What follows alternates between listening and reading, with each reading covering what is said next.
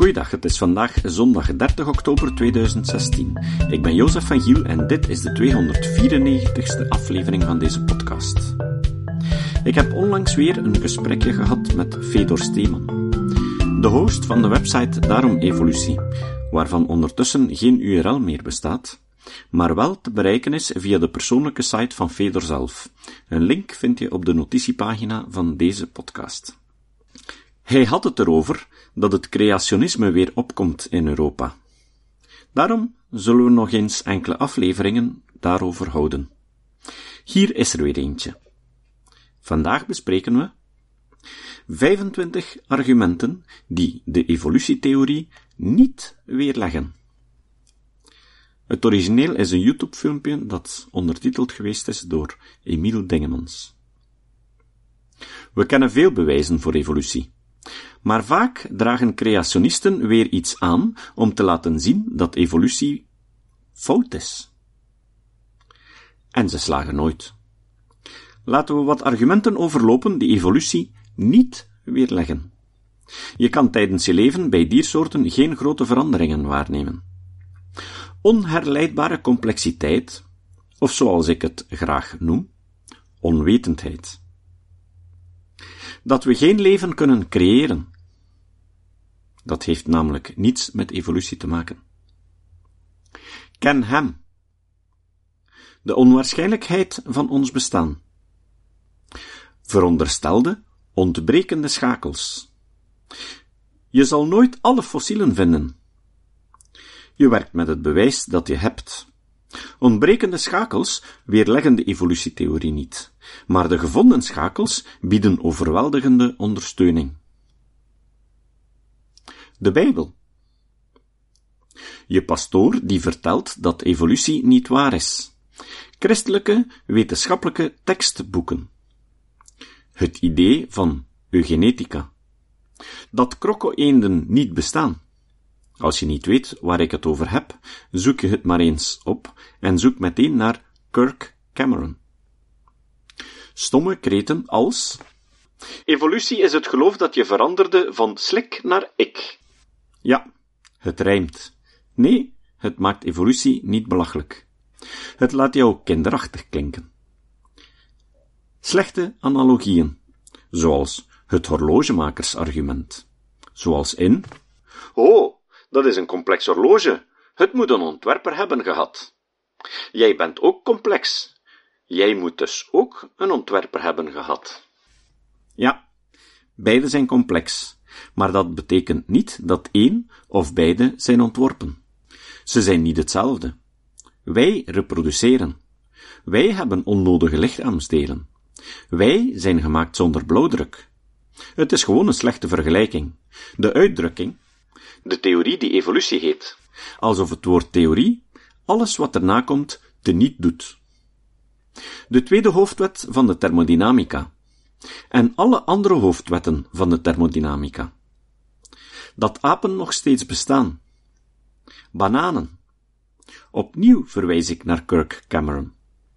De Flintstones. Nee, het is geen documentaire.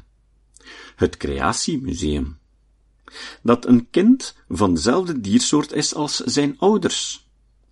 De zogenaamde herroeping van de evolutie door Charles Darwin op zijn sterfbed.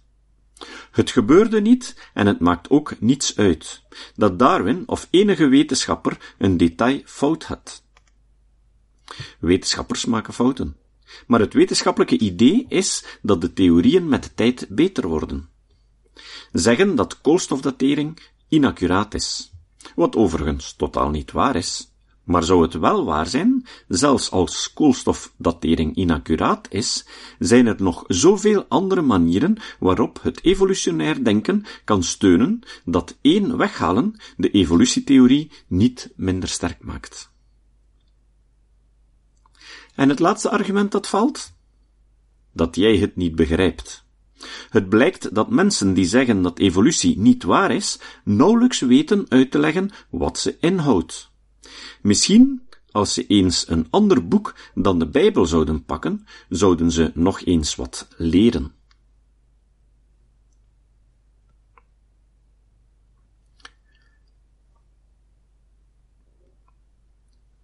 Het citaat. Het citaat van vandaag komt van Albert Einstein. Het past in dit lijstje. Er zijn altijd gelovigen die graag verkondigen dat Einstein ook gelovig was. Ze leiden dat af van de vele citaten van hem waarin hij God aanhaalt, zoals zijn beroemde reactie op de kwantumfysica. God speelt niet met dobbelstenen, die dan meestal volledig uit zijn context gehaald wordt. Degenen die dit citaat graag gebruiken, begrijpen ook meestal niet wat Einstein daarmee bedoelde. Eigenlijk heeft Einstein mede de fundamenten van de kwantumfysica gelegd, onder andere met het werk waarvoor hij de Nobelprijs kreeg. Hij kreeg de Nobelprijs niet voor zijn relativiteitstheorie, maar wel voor zijn onderzoek naar het fotoelektrisch effect. Einstein wou het principe van de kwantumfysica van de fundamentele onzekerheid niet aanvaarden, het onzekerheidsbeginsel van Heisenberg.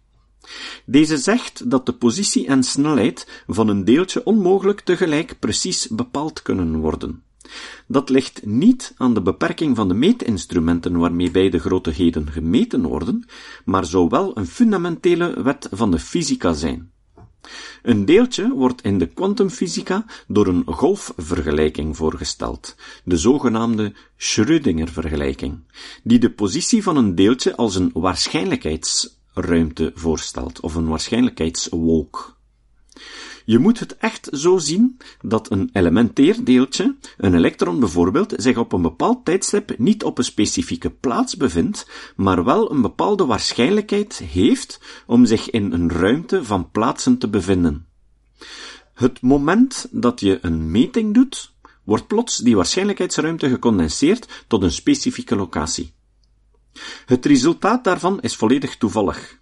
Het is nog toevalliger dan het gooien van dobbelstenen. Einstein had het moeilijk met die vaststelling en vandaar zijn uitspraak. Maar om terug te komen op ons punt, er zijn zo nog uitspraken van hem waarin hij God noemt. Enkele jaren terug is er een brief van hem gevonden waarin hij zijn standpunt onomwonden meedeelt. In een brief aan meneer Goodkind op 3 januari 1954 schreef Einstein het woord Gods is voor mij niets meer dan een expressie en het product van menselijke zwakheid. De Bijbel is een verzamelwerk van legendes die achtenswaardig zijn, maar ook primitief en kinderachtig. Geen enkele interpretatie, hoe subtiel ook, kan dit voor mij veranderen. Voor mij is de Joodse religie, net zoals alle andere religies, de incarnatie van het meest kinderlijke bijgeloof. En het Joodse volk, tot welke ik graag behoor, hebben geen kwaliteiten die anders zijn dan andere mensen. De volledige brief ga je vinden in de bijlage van de notitiepagina. Tot de volgende keer.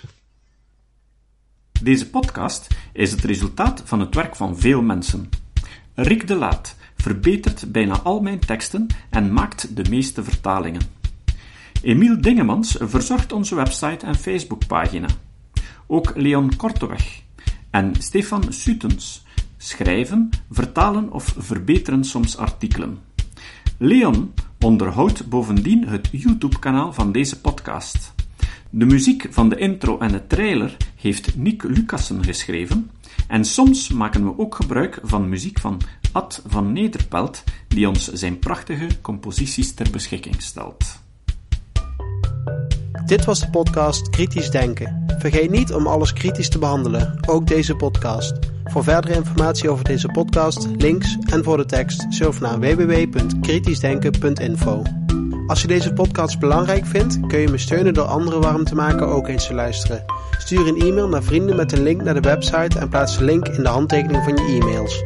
Tevens kun je op iTunes deze podcast een beoordeling geven of een recensie schrijven. Of je kan op je eigen website of blog een link naar kritisch denken plaatsen.